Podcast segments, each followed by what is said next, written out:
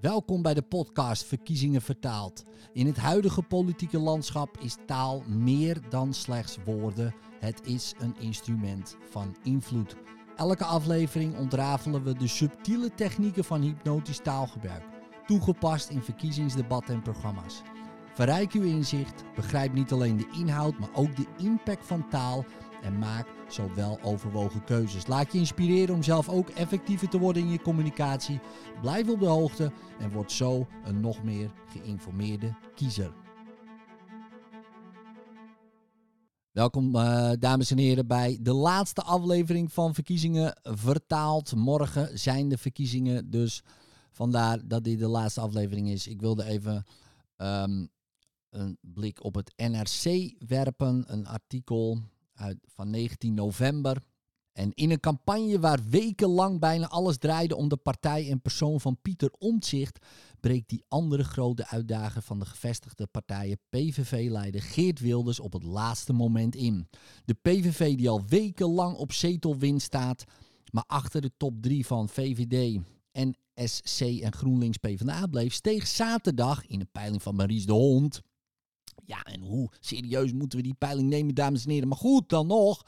Plotseling vijf zetels en zou samen met de VVD de grootste partij kunnen worden. En, dat staat hier niet bij, ik las ook ergens, dat 80% van de Nederlanders uh, wil dat de migratie stopt. Dat we stoppen met asielzoekers. Dus ja, Wilders als u niet wil dat Wilders de grootste wordt, weet u op wie u niet moet stemmen. Maar als u denkt, ja, ik, ben heel, ik hoor bij die 80%, dan weet u dat.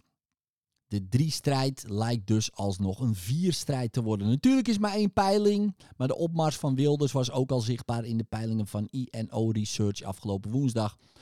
De PVV voegt zich voorzichtig bij de koplopers, schreef INO. Nou, ik denk dat ze nu koploper zijn. Hoewel het gat met de VVD nog wel aanzienlijk was. Wilders voert een sterke campagne op televisie.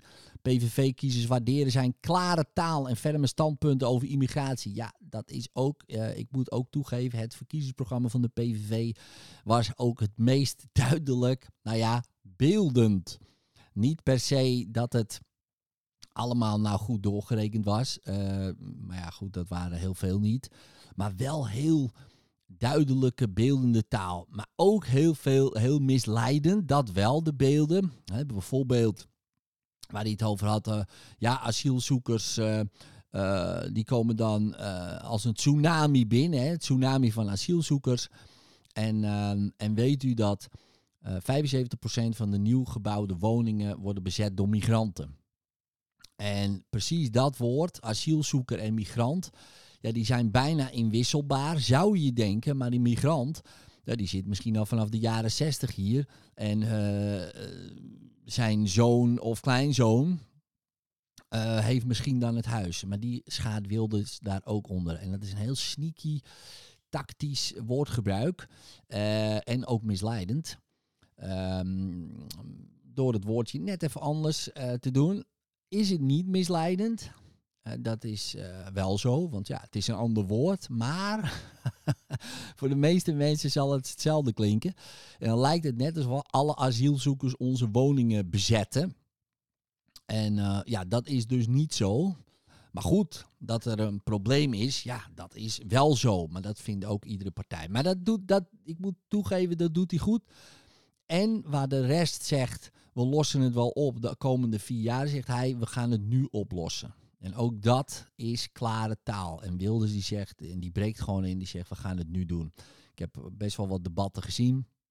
Hij komt er altijd sterk uit, maar het is ook een hele goede debaten. Dus, uh, dus wat dat betreft, um, we gaan verder. En ze zeiden nog iets, omdat de VVD de PVV niet meer principieel uitsluit, hopen ze dat de partij van Wilders kan meeregeren. De links-progressieve partijen grepen de peiling dit weekend gretig aan om te waarschuwen voor een uiterst rechtskabinet. De VVD maakt Wilders groot, was de kritiek van D66-leider Rob Jetten. Hij zei zaterdag na het debat van het Zuiden dat VVD, dat VVD-lijsttrekker Dylan Jezugus de deur wagenwijd openzet voor Wilders en daarmee heeft zij deze dynamiek gecreëerd. En ook fascinerend vind ik dat Dylan Jezelgus zelf een vluchteling uh, was. Um, ja, en dat eh, is altijd wel interessant natuurlijk. Die is gevlucht vanuit Turkije met de vader. En, um, ja, en is nu uh, lijsttrekker van de VVD. En als er eentje dan is, zou je denken die zich hard maakt voor uh, vluchtelingen, dan zou zij het zijn. Maar ja, niet echt. Voor GroenLinks PvdA is de opmars van de PVV een bedreiging omdat het de kans op een rechtskabinet groter maakt, maar ook een gouden kans in de laatste campagnedagen. De partij hoopt dat nog meer links-progressieve kiezers woensdag een strategische stem op Frans Timmermans zullen uitbrengen. Twitter Timmermans twitterde zaterdag direct: Ik wil donderdag niet wakker worden in een land waar Wilders de leider is van de grootste partij. We hebben nog een paar dagen om alle groene, sociale en progressieve kiezers te verenigen. Het lijkt vooral een oproep aan kiezers van bijvoorbeeld D66, de Partij voor de Dieren en Volt, om toch nog de overstap naar GroenLinks PvdA te maken. Op een campagnebijeenkomst in Haarlem zette Timmermans zondag zijn oproep kracht bij. Heel veel Nederlanders willen niet dat we een extreem rechtse afslag nemen. De enige manier om dat te voorkomen is volgens Timmermans GroenLinks PvdA woensdag de grootste partij maken, zodat hij het initiatief krijgt in de kabinetsformatie. Zelfs als de PVV een hele goede uitslag boekt, is het nog maar de vraag hoe realistisch een rechtskabinet met Wilders is. De PVV-leider zelf deed er afgelopen week alles aan om het voor andere rechtse partijen moeilijk te maken hem uit te sluiten. Zo zei Wilders bij Nieuwsuur dat hij bereid is zijn anti-islamitische voorstellen zoals een moskeeverbod de komende jaren in de koelkast te zetten. De islam zal nooit uit ons DNA gaan, maar de prioriteit ligt nu duidelijk bij andere zaken als het gaat om de komende regeerperiode. Hij noemde thema's als immigratie, zorg en inflatie. VVD-leider Jezel Gus is van die nieuwe houding nog niet helemaal overtuigd, zei ze zondag bij WNL. Hoewel ze erbij blijft dat samenwerking met de PVV in theorie mogelijk is, ziet ze nog veel bezwaren. Deze week heeft hij een constructief weekje. Zijn toon is aangepast, alle standpunten gaan in de prullenbak. Ik weet niet hoe geloofwaardig dat is. Over de kans op een kabinet waar VVD en PVV samen in zitten, concludeerde Jezel Gus. De verschillen zijn levensgroot. Ik zie niet hoe dat kan op dit moment. Omtzigt sluit wel uit. Een groter probleem voor Wilders is dat NSC-leider Pieter Omtzigt bij zijn blokkade van de PVV blijft. In Buitenhof herhaalde hij dat hij niet in zee wil met een partij die in het verkiezingsprogramma de rechtsstaat niet respecteert. En dat verandert ook niet als de PVV de grootste partij wordt, beloofde Omtzigt. Het gaat niet om de peilingen, het gaat om je principes. Electoraal neemt omzicht met die principiële opstelling een risico. Uit onderzoek van één vandaag bleek onlangs dat 6 op de 10 NSC-kiezers het prima vinden als er een rechtse coalitie van VVD, NSC, BBB en de PVV komt. Omtzigt leverde afgelopen week in de peilingen van INO en de hond een aantal zetels in. Kiezers die van NSC naar andere partijen zoals de PV openstappen, zeiden tegen INO dat ze NSC niet duidelijk vinden. Bijvoorbeeld als het om standpunten gaat. Ook de onduidelijkheid over of Omtzigt premier wil worden werd vaak genoemd. Op dat punt werd Omtzigt zondag bij Buitenhof concreter. Ja, het was ook bij Even tot hier, heeft u misschien wel gezien.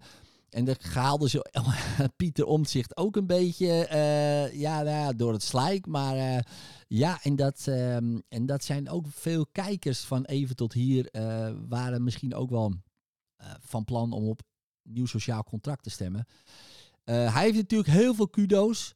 Want ja, hij is de enige die al die uh, ja, best wel heftige dingen naar boven heeft gehaald. Niemand in de Tweede Kamer uh, die brandde zich eraan en hij wel. Ja, en dat is toch wel, daar heb je toch wel heel veel credits mee. Maar wordt dan ook premier. Ja, dus uh, pak hem dan ook helemaal. Ja, en dat doet hij niet.